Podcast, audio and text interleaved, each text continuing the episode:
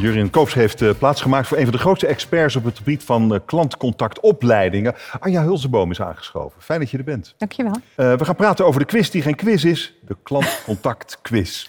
um, Anja, dat, dit is jouw expertise en je bent ook voorzitter van de Raad van Advies van de klantcontactquiz. Laten we eerst gaan vaststellen, wat is de klantcontactquiz in zijn diepste wezen? Oh, dat is een hele goede vraag. Ik denk dat de klantcontactquiz eigenlijk voor de gemiddelde medewerker een manier is om te zien of je echt op de hoogte bent van je eigen vakgebied als klantcontactspecialist. En voor het gemiddelde bedrijf geeft het eigenlijk ook inzicht waar je staat als bedrijf binnen de klantcontact uh, BV, uh, om het dan maar even zo te okay. zeggen. Uh, en hoe werkt het? Um, nou, we hebben dit jaar voor het eerst de klantcontact quiz gedaan met meer dan 40 bedrijven die hebben meegedaan. Op één specifieke dag kun je met een team mensen meedoen en laat je zien wat jij allemaal weet op het gebied van klantcontact. Kost niks, duurt een uur. Ja, klopt. Toch? Oké. Okay. Ja, en en wat, wat, was de, wat was de uitkomst? De uitkomst was dat uh, er verschillende bedrijven eigenlijk verrassend goed uh, gescoord uh, hebben. Die dat zelf eigenlijk ook op die manier hebben gezien. dat denk ik niet. Want als je kijkt naar de, de variatie, dat is dan wel heel erg leuk om te zien. Is dat in die meer dan 40 bedrijven wel een, een hele grote diversiteit in bedrijven zit die mee hebben gedaan.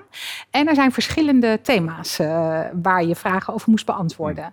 Nou, wat het lastigste was. Maar even terug, want het is een flauw grapje van ja. Maar, dus wat je eigenlijk doet, is uh, je meet de sector door aan de hand van die 40 bedrijven. Dus je hebt een goed beeld van hoe zijn die bedrijven eraan toe, die 40. En daarmee heb je natuurlijk ook iets gevonden over de sector, denk ik dan. Ja, dat is, en jij zou je zegt, kunnen zien. het was verrassend goed. Ja, ik denk dat uh, heel Wat veel was mensen... het cijfer?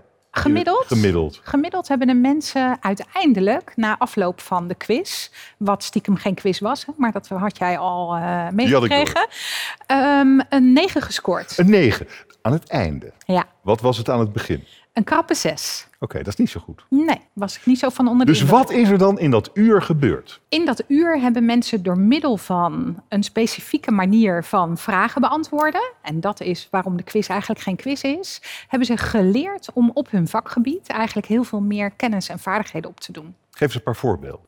Op het gebied van wet en regelgeving bijvoorbeeld. Um, het beantwoorden van vragen die betrekking hebben op de Nederlandse wet en regelgeving als het gaat over uh, bijvoorbeeld de wet op de privacy. Uh, daar krijg je een aantal vragen in voorgeschoteld en door op een andere manier je brein te gebruiken, ga je daar actiever mee aan de slag en onthoud je dingen beter. Oké, okay, die begrijp ik nog niet. Op een andere manier je brein gebruikt. Ja. Hoe dan? Nou, normaal gesproken als je training krijgt, dan zit je vaak in een uh, wat passieve houding. Iemand vertelt iets, net als wij nu hier aan tafel doen, en jij moet luisteren en vervolgens hopen we dat je daar nog het een en ander van blijft onthouden. Als je actief meedoet door middel bijvoorbeeld van het beantwoorden van vragen, daardoor ga je je brein op een andere manier gebruiken, waardoor je dingen beter kunt onthouden. Oké, okay, je kunt tussendoor even opzoeken. Nee, dat tussendoor opzoeken is er niet bij. okay. Nou ja, dat lukt ook niet, omdat ook de, uh, snelheid, de snelheid uh, wordt uh, gemeten. Um, Oké, okay, dus je leert eigenlijk tijdens het beantwoorden van de vraag. Ja. Oké, dat klinkt als een slimme manier. Je weet nu dus ook waar de hiaten zaten. Ja. En wat zag je dan? Nou, dan zie je dat met name op het gebied van wet en regelgeving er toch nog wel wat te leren valt in uh, Nederland. Maar dat was voor ons uh, als uh, Raad van Advies denk ik niet een heel, hele grote verrassing. En wat je ook ziet, en dat is denk ik wel een hele mooie plus, is dat we het op klantgerichtheid eigenlijk wel supergoed doen met elkaar.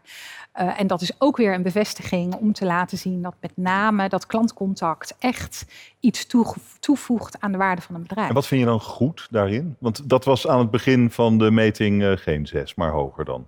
Ja, ik denk niet dat we op, we hebben niet op themaniveau aan de Oh. voorkant getoetst. Dus we Oh, hebben echt de hele test uh, gepakt. Uh, en dan zie je wel een groot verschil. Aan de voorkant scoren mensen al een stuk hoger op klantgerichtheid. En hoe komt dat dan? Omdat ik denk dat als je een goede klantcontactspecialist bent, en heel veel van onze mensen zijn gewoon echt goed in hun vak, dan is dat ook wat jouw passie is om het ook voor een klant steeds opnieuw goed te kunnen doen. Oké, ehm, maar eh, wet en regelgeving, Mhm. dat is het zwakke punt. Dat was Geef in daar eens een paar voorbeelden van. Ja, dan heb je het over ehm, wanneer mag je iemand nou wel en niet eh, benaderen. Ehm, je hebt het over eh, hoe lang mag je nou gegevens bewaren van een klant. Wat zeg je als als iemand zegt: hoe komt u aan mijn gegevens? al dat soort zaken. Wat moet je dan zeggen eigenlijk? Mensen best een beetje lastig. Uh, nou, dat zijn uh, de voorbeelden die uh, je, je kunt beantwoorden als je de quiz hebt ja, nee, gemaakt. Maar, maar, ik vraag aan jou, wat moet je dan zeggen? nou ja, dat hangt een beetje af van de vraagstellingen die, die de klant dan heeft. Maar ja, je geeft gewoon antwoord op de vraag.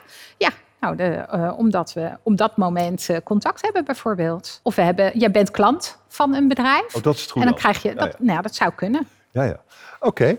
Ehm, en wat zag je nog meer? Wat viel nog meer op? Als je uh, in de breedte kijkt, denk ik dat met name uh, de teamspirit een, hele grote, uh, een heel groot onderdeel is geweest eigenlijk. Mensen zij hebben zich per team ingeschreven. En wat je ziet is dat ze elkaar ook eh, gaan ondersteunen en helpen in oh, je mag elkaar helpen. vragen. Je mag elkaar zeker ah, helpen bij het verdienen van de teamprijs. Er zijn twee prijzen uitgereikt. Eén op medewerkerniveau waar het echt gaat om wie is nou de slimste medewerker. En één op teamniveau, waarbij het echt gaat over welk team heeft nou de grootste stap gezet in zijn leertraject. En dat is ook heel erg leuk om te zien. Uh, eh, 40 bedrijven, er zijn volgens mij, er zijn misschien wel 300.000 mensen die in deze sector werken in Nederland. Afhankelijk van welke bron je raadpleegt.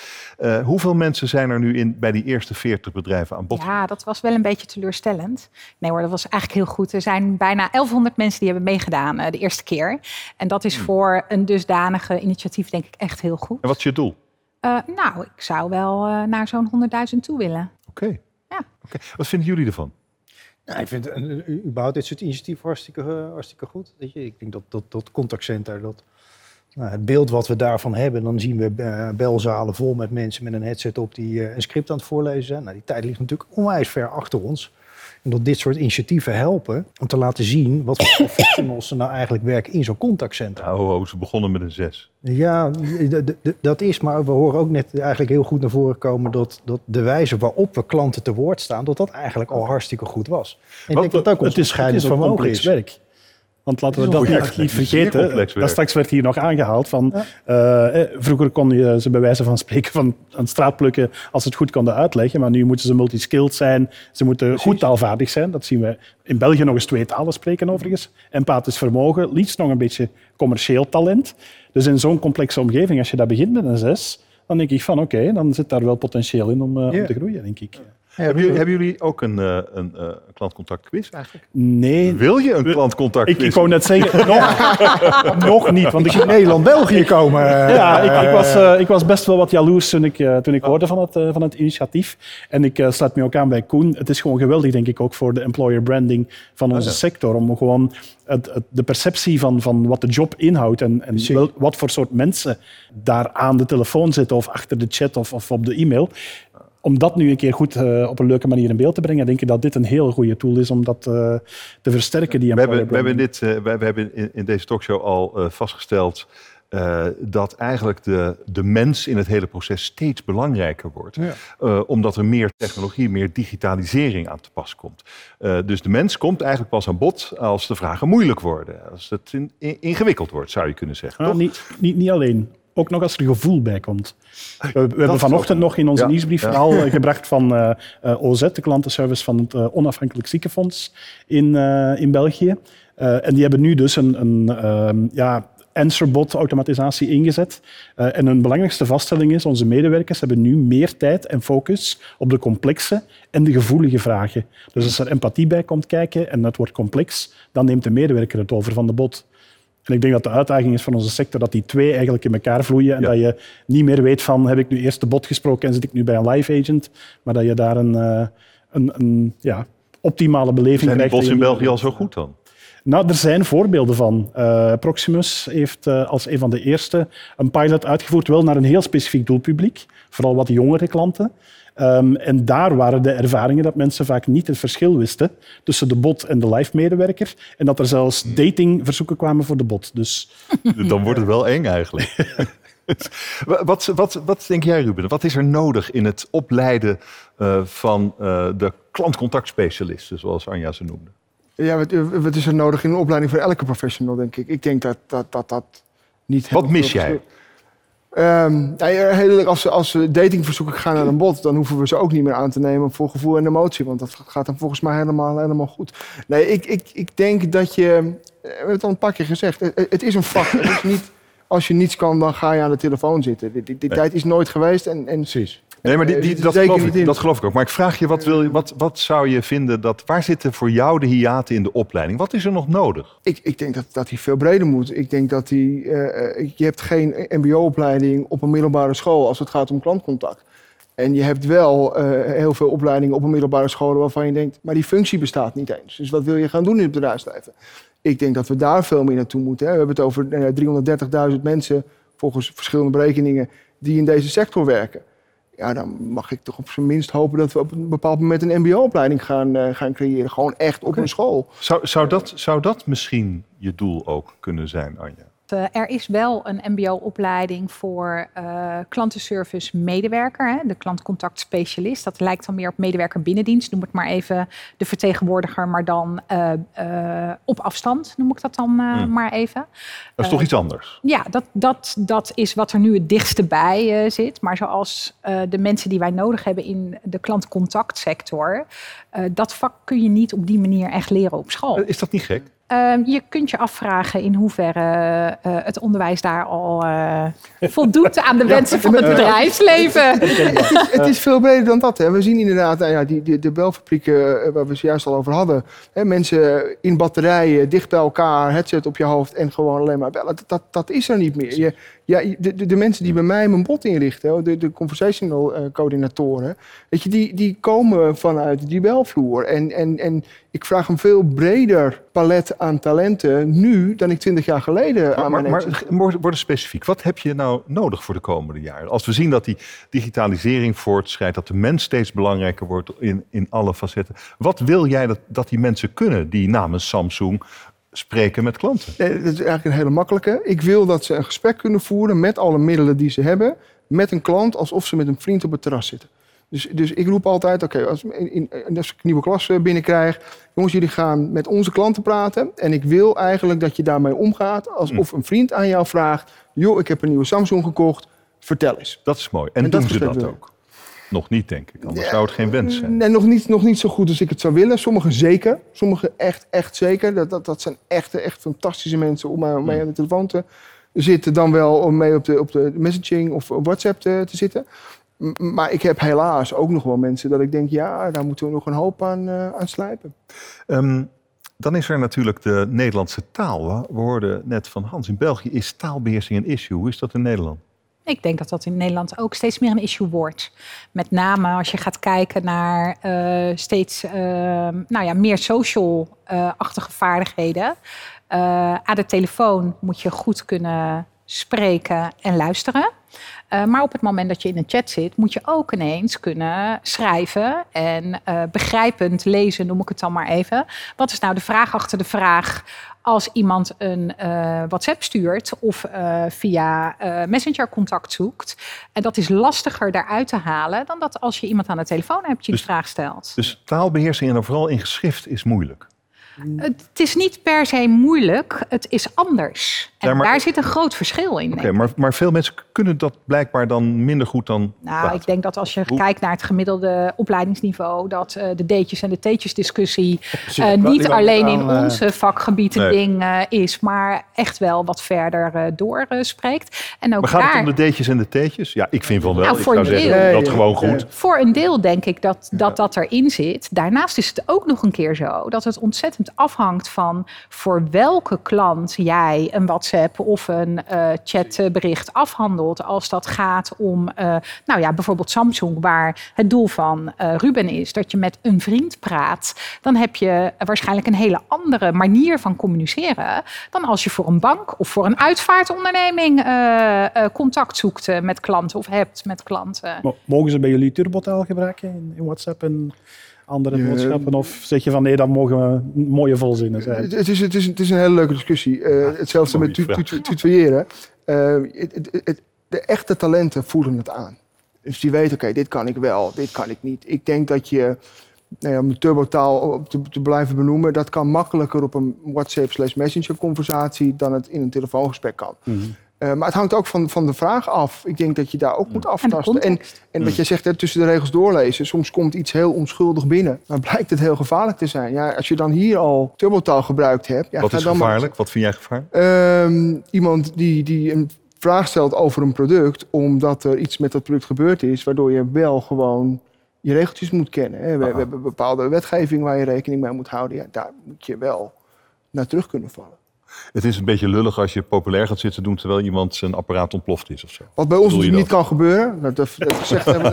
Uh, maar ja, dat zou bij andere merken kunnen gebeuren, ja. Dat... Ja, oké. Okay. Oké. Ehm, Anja, waar, waar, waar, gaat het naartoe? Je zei 100.000 medewerkers zouden. Ja, dat is mooie dat ambitie. is ambitie. Ja, dat is een mooie ambitie. Ja. Um, maar waar je natuurlijk naartoe wilt, dat begrijp ik wel. Hoeven er misschien geen 100.000 te zijn. Maar je wilt wel naar een soort APK van de seks. Dat je precies weet, uh, daar hebben we behoefte aan opleiding. Uh, dat doen we heel goed. Zo staan we ervoor. Dat is waar je uiteindelijk wilt terechtkomen, ja, toch? dat klopt. En wanneer is dat zover? En Nederland en België doen we dan meteen samen. Nou ja, ik denk dat we dit jaar een hele mooie start hebben gemaakt. Uh, als je kijkt naar de doorsnee van die ruim 40 bedrijven, zitten die wel verdeeld over verschillende sectoren. Uh, we hebben nu ook iets om te laten zien. Dit was de eerste keer, dus het is ook altijd maar de vraag hoe dat dan uh, aanslaat. Ik denk dat als je praat met deelnemers, dat met name de, de teamspirit er enorm mee gewonnen is. Dat medewerkers het echt heel leuk vinden om ook zelf te zien waar sta ik nu eigenlijk. Hè? Wat doe ik al goed? En op welke onderdelen kan ik eventueel nog iets leren? Want vergis je niet, mensen vinden het zelf ook heel erg belangrijk om te weten waar ze staan. En op welke onderdelen ze dan zelf nog iets uh, kunnen ontwikkelen. Uh, als je die dingen bij elkaar pakt, dan denk ik dat we een hele mooie basis hebben voor volgend jaar. Ja, laten we eens beginnen met een verdubbeling. Ja. Koen Spruit zit daar. Uh, dat is de man van de landelijke coronatest afsprakenlijn. Uh, 6000 man heb je, ja. heb je op, opgeleid ook het afgelopen... Ja. het afgelopen ja, hoe lang is het eigenlijk? Heb je in een half jaar, heb je, in twee weken vertelde, heb je de hele boel opgezet. Nu ben je een half jaar aan de gang. Ja. Uh, je moest al die mensen opleiden. Ja, dat was ook anders dan normaal natuurlijk. Want we zaten uiteraard volop in coronatijd. Dus waar je traditioneel natuurlijk mensen... Nou ja, vaak in trainingszalen en vormen als e-learnings... en dat je vaak wat traditionele modellen nog wel had... moest je nou in één keer hele grote groepen mensen gaan opleiden. Maar vanuit thuis. Dat bracht natuurlijk Dat was ook dynamiek. nog een complicatie. Je moest eerst die mensen vinden. Ja, je moest ze vinden. Opleiden. Ja. Uh, dan moet je zorgen dat ze thuis kunnen werken. Ja. En uh, dat moest in twee weken. Ga door. nou, dat ja, was het ongeveer. Ja, ja, ja. nee, dat, dat, daar hadden we inderdaad heel korte tijd uh, voor. Twee, uh, weet nog precies. Dit was Twee... toch een krankzinnige klus eigenlijk? Nou ja, dat, eigenlijk kon dat helemaal niet. On, ongekend groot. Het is een, een klus die, die eigenlijk nog nergens ooit op deze manier zo gedaan is. Het, is. het is een omvang. Ik maakte net al in het begin even een vergelijking dat je binnen 0 en 14 dagen naar 1500 man. We zitten nu op dik 6200 uh, man. Hebben vijf, dan ben je inderdaad zo groot als een, als een gemiddelde corporate in een hele korte tijd. Ja, dat, dat, dat is ongekend uh, wat Waarom we daar... wilde je dit? Zo'n krankzinnige klus die nog nooit gedaan was. Ja, nou, nou dat, dat, dat, dat past überhaupt wel bij mijn drijfveer. Ik vind dat namelijk dat we echt iets goed doen voor Nederland. Weet je? Dat, dat we hier iets laten zien waarin we op een laagdrempelige manier mensen de gelegenheid geven om een afspraak te maken in de bestrijding tegen het virus. Dus dat raakt. En dat vind ik ook, weet je, dat, nou, een van de dingen waarvan je zou verwachten dat het zou moeilijk zijn, recruitment. Dat was helemaal niet zo moeilijk. Er waren veel meer andere dingen waarvan je denkt, oeh, dat is even een spannend uh, momentje, noem ik dat altijd maar. Uh, maar dat komt ook omdat die gemeenschappelijke delen. Dus iedereen voelt zich verbonden met dit onderwerp. Ja, en er is toch een hele grote groep die dan een stapje voorwaarts doet en zich hiervoor wil inzetten. Hoeveel, hoeveel uh, telefoontjes zijn er inmiddels geweest? Hoe loopt het? Ja, dat zijn een paar miljoen. Een paar miljoen. Ja. Ja. En uh, hoe, hoe, gaat het? Ja, nou eigenlijk door, door, de bank genomen gaat het eigenlijk heel erg goed. Hmm. Uh, je ziet dat we nou ja, voldoende mensen hebben, hebben, hebben zitten. Uh, nou, wat ik zeg, als, je dik 6000 mensen nu hebt en je weet dat in een hele korte tijd te trainen, te selecteren, in de systemen te krijgen, technisch ook aan te sluiten, dat mensen ook hun werk kunnen, kunnen doen door heel Nederland. Ja, dan kun je eigenlijk wel spreken dat we dat heel goed doen. Ja, ja. De zwakke partij is eigenlijk minister De Jonge. Uh, nou ja, dat wil ik niet zo zeggen of hij de zwakke partij is. Nou ja, de, in de deze. problemen waren natuurlijk dat er onvoldoende testcapaciteit was gedurende lange tijd. Dat was natuurlijk wel een probleem. Nou, dat, dat geeft andere dynamiek wel in een contactcenter. Op, op nou, jouw 6000 ja, mensen. We hadden het net over flexibiliteit. Weet je? En, ja. en, en als je dan zoiets doet. Kijk, heel veel dingen kunnen we natuurlijk in contactcenterland. Weten we wel wat van patronen, kwartiersintervallen en dat soort dingen. Daar plannen we ook op. En, maar ja, als iets in die keten vervolgens omvalt. Het belangrijkste, namelijk de capaciteit om die mensen die bellen ook werkelijk te testen. Ja, daar heeft, dat heeft natuurlijk zijn impact. Maar hoe ga je daarmee om? Ja, nou ja. Heel interessant, denk ik. Ja, dat is een hele interessante. Uh, nou, überhaupt de, de grilligheid die dit, dit project kent. Dan wil ik zeggen, je, een Black Friday zie je aankomen. En, en dagpatronen, die kun je op een gegeven moment. zie je ook wel. Maar in dit geval, als er een, een, een persconferentie is, wat doet dat? Ja, de ene keer hebben we in één keer de volgende dag heel veel bellen. En de andere keer doet zo'n persconferentie helemaal niks. Maar wat, wat, wat, wat pak inderdaad zo'n zo'n zo'n een zo'n onderdeeltje wat in zo'n testketen dan, dan, dan, dan, dan wat blokkades oplevert. Dan zie je inderdaad dat er meer vraag is dan dat we kunnen testen. Ja, dan staat de telefoon rood gloeiend. En de tweede wat er gebeurt is dat als we mensen nou ja, willen plannen voor een teststraat, dat we meer moeten zoeken naar een geschikte testplan. En dan zie je in één keer dat volume en bijvoorbeeld zo'n tijd wat we over gesprek doen, toenemen. Ja, en dan moet en je dat kan eigenlijk niet. Nou, nou ja, het kan niet. Je hebt heel veel telefoontjes. Nou, je, je, gaat, je, gaat datgene, je gaat datgene doen waar je goed in bent. En dat is dat we een organisatie opgezet hebben die eigenlijk een beetje als bouwsteen Dus je gaat heel snel nog meer mensen laten instromen. Hmm. Dus je gaat heel snel nog eens een keer groepen waarin je gewoon 13, 1400 man per week weet te trainen, te selecteren en weer klaar te zetten om, dit, om dit, dit te pakken. Klinkt, het klinkt uh, krankzinnig. Hoe, hoe kijken jullie daarnaar, naar wat hij gedaan heeft? Ik, ik ben vooral benieuwd van hoe, hoe pak je die opleidingen nu aan? Want dat is toch heel... We hebben ten tijde van corona ook onderzoek uitgevoerd onder onze leden. Ja. En daar kwam als, als twee um, mindere aspecten. Een van de belangrijkste aspecten die we gezien hebben, overigens, is het veranderend gedrag van, uh, van consumenten. Die meer de tijd namen om met klantcontactmedewerkers te praten. Mm. Ik weet niet of dat in Nederland ook zo uh, ervaren is. En, en, de klanttevredenheid die lag hoger tijdens die periode, omdat ze blij waren om met iemand te praten. Maar het onboarden van nieuwe medewerkers ja. en het opleiden van op afstand, dat ervaren best wel wat bedrijven als, als Dit Hoe hebben jullie dat aangepakt? Uh, Opleiden. Want ja. ze zitten inderdaad thuis. Ja. Ja. Hoe leid je iemand in zo'n gevoelig dossier op, ja. terwijl je hem eigenlijk niet kunt zien? Je kunt nou, dat, in een dat, dat, zie je zeker. In het begin hebben we daar denk ik heel veel geleerd ook. Hè. Je, dat, moet een, dat moet echt een geoliede machine zijn. Je, hebt, je selecteert Wat was de grote uitdaging? Wat, wat, waarvan dacht je, oh, dit lukt nooit en is toch gelukt? Nou, dat zit wel eigenlijk in het begin van het traject, waarin je met partners werkt die zorgen, één, we selecteren de goede mensen. Nou, dan moeten er ook nog NDA's getekend worden en VOG's geregeld worden, want je werkt met vertrouwelijke gegevens. Dus we nemen niet iedereen aan. We moeten wel weten wie we aannemen. En die moeten dan ook nog... Ja, maar de eisen waren ook niet, uh, niet, uh, niet mis. HBO, ja. uh, mbo, maar dan wel afgerond en paramedisch. Ja. En het liefst ook nog ervaring met dit werk. Ja, maar we hebben niet 6000 doktoren en zusters gevonden die op de lijn hebben zitten. Nee, dat is niet, dat is niet helemaal gelukt. Dus, dus, ja, weet je, je legt natuurlijk daar wel de lat in. Maar het belangrijkste is dat mensen dat, ze in staat zijn of ze kunnen leren communicatieve vaardigheden en dat ze gewend zijn om met verschillende emoties in gesprek ook om te kunnen gaan. Waren er ook mensen die nooit dit werk hebben gedaan? Ja, nou zeker. Ja. ja? Nou, eh, eh, als je het hebt over komen mensen van KLM, om er maar even één eh, te noemen. We zagen mensen die zeiden, hey, ik wil wel, uh, ik wil wel in het landelijk contactcenter werken. Horeca, hier natuurlijk, waar veel mensen hun vinger op hebben. Heb je het ook wel, denk ik, vooral over mensen die al gewend zijn om op een specifieke manier met klanten om te gaan. Hè? De uh, mensen van de KLM, de mensen in de horeca, die doen in hun Precies. andere werk ook vooral zaken die heel erg te maken hebben met service en omgaan met klanten en daar de goede dingen uithalen. En empathisch zijn ook. Ja. kunnen inleven nou, dus, in de persoon aan de andere kant van de lijn natuurlijk. Gespreksvaardigheid, empathisch inderdaad. Ja, weet je, en hostmanship, weet je, dat mensen zich gewoon op hun gemak voelen. We hebben het net over een robot. Van ja, ja daar, daar zit ook een beperking aan. Ja, een mens maakt daar wel het verschil. Maar, maar verder denk ik eigenlijk dat het toch niet zo heel ingewikkeld is. Uh, nou, wat nou ja, nee, ik wil niets afdoen aan, niet, niets afdoen aan de corona. Maar dat vraag ik inderdaad. In welke range liggen die gesprekken? Want ik kan me voorstellen. Precies, ik, ik, ben, ik ben zelf getest op corona, maar ik heb niemand gebeld. Ik heb dat volledig online gedaan. Ja. Dus, dus dat is gewoon iemand die jou belt. Die zegt: ik wil graag getest worden. In die staat, oh, dat kan. Ja, klaar, vinken gaan. Tot, tot, iemand die volledig in paniek is, omdat hij denkt dat hij corona heeft en zijn hele leven. Ja, tot de mensen die wat minder vriendelijk ook zijn. Ja. En, en daar zit in die range. Ja, in, die, in die range zit je. Ja. Dat, dat, is één complicerende factor. Maar het tweede complicerende factor is natuurlijk ook...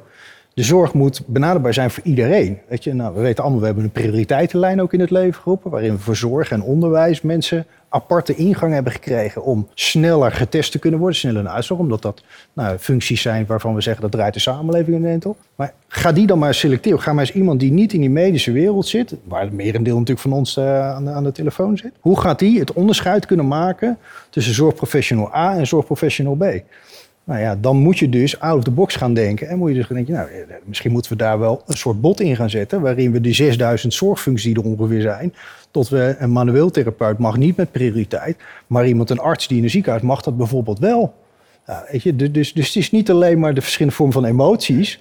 Maar ook het, het speelveld waarin je opereert is ook best complex. En regels die telkens veranderen, situaties die veranderen. Nou, inzichten veranderen inderdaad. Dus, dus uh, wel BVM kinderen. denkt weer wat. En Nou ja, hoe, ga je dat, zeggen. hoe ga je dat invoeren in je, in je dagelijkse Ja. operatie? Nou, dat, Maar dat- ik heb dat- gekeken naar, naar eh, het bericht in de media van de, voor, van de vorige maand, voor de afgelopen paar maanden. Wat, wat me dan opvalt is, er zijn klachten over slechte bereikbaarheid.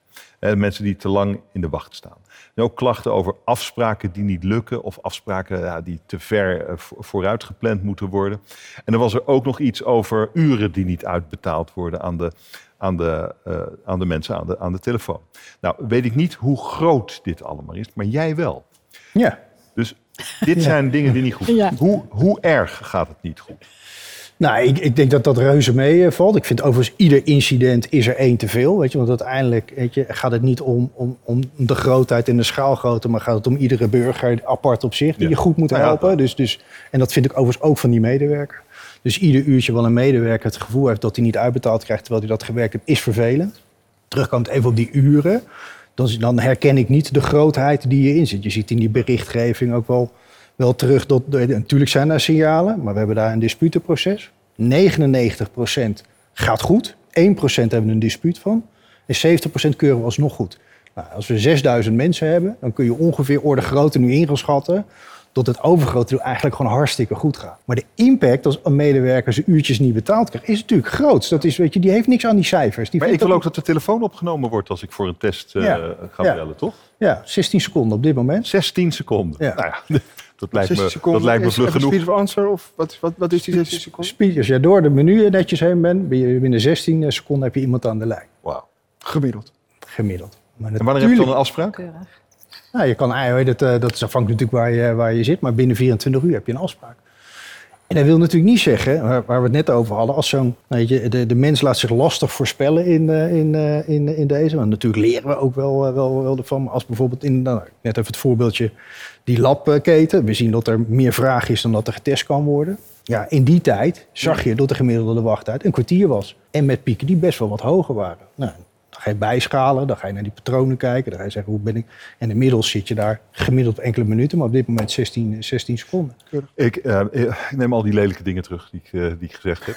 Ehm, wat, eh, wat ik ook heel fascinerend vind, is dat, dat het allemaal thuis gebeurt. Ja. Mensen, en dat kon eigenlijk nooit. Nou, wat Je wat kon tof als is... eh, klantcontactmedewerker kon je niet thuis zitten. Er waren, de werkgevers hadden te Ja. weinig controle. Er waren allerlei privacy Onzin. issues. Dat kon toch helemaal niet? Nou, je ziet het. Je ziet het. Wat, het gaat eh, makkelijk. het, het, het, het- Nou ja, gedwongen. Het is gaat anders. Het is ineens anders. wel. Maar wat, Ja. is er, wat, wat merk jij van de problemen die ik net noemde? De controle, de privacy issues. Nou, eh, eh, ook daar geldt natuurlijk, iedere vorm is, is er één, één te veel op het moment dat dat naar buiten, naar buiten treedt. Maar goed, we zorgen dat mensen NDA's tekenen. Daar zitten controles ook op. Maar is hè? het een probleem? Nee, ik denk niet, nee, Nee. nou, nee, ik denk niet dat het het probleem is. Oké, dus we kunnen gewoon dit allemaal thuis doen. Dat is toch mooi. Ruben? Maar ik denk wel dat er echt ook nog een verschil zit, eh, Roelof, in beleving bij aan de klantkant. Want vandaag de dag denk ik dat klanten het eigenlijk ook accepteren dat er mensen thuiswerken gezien de situatie.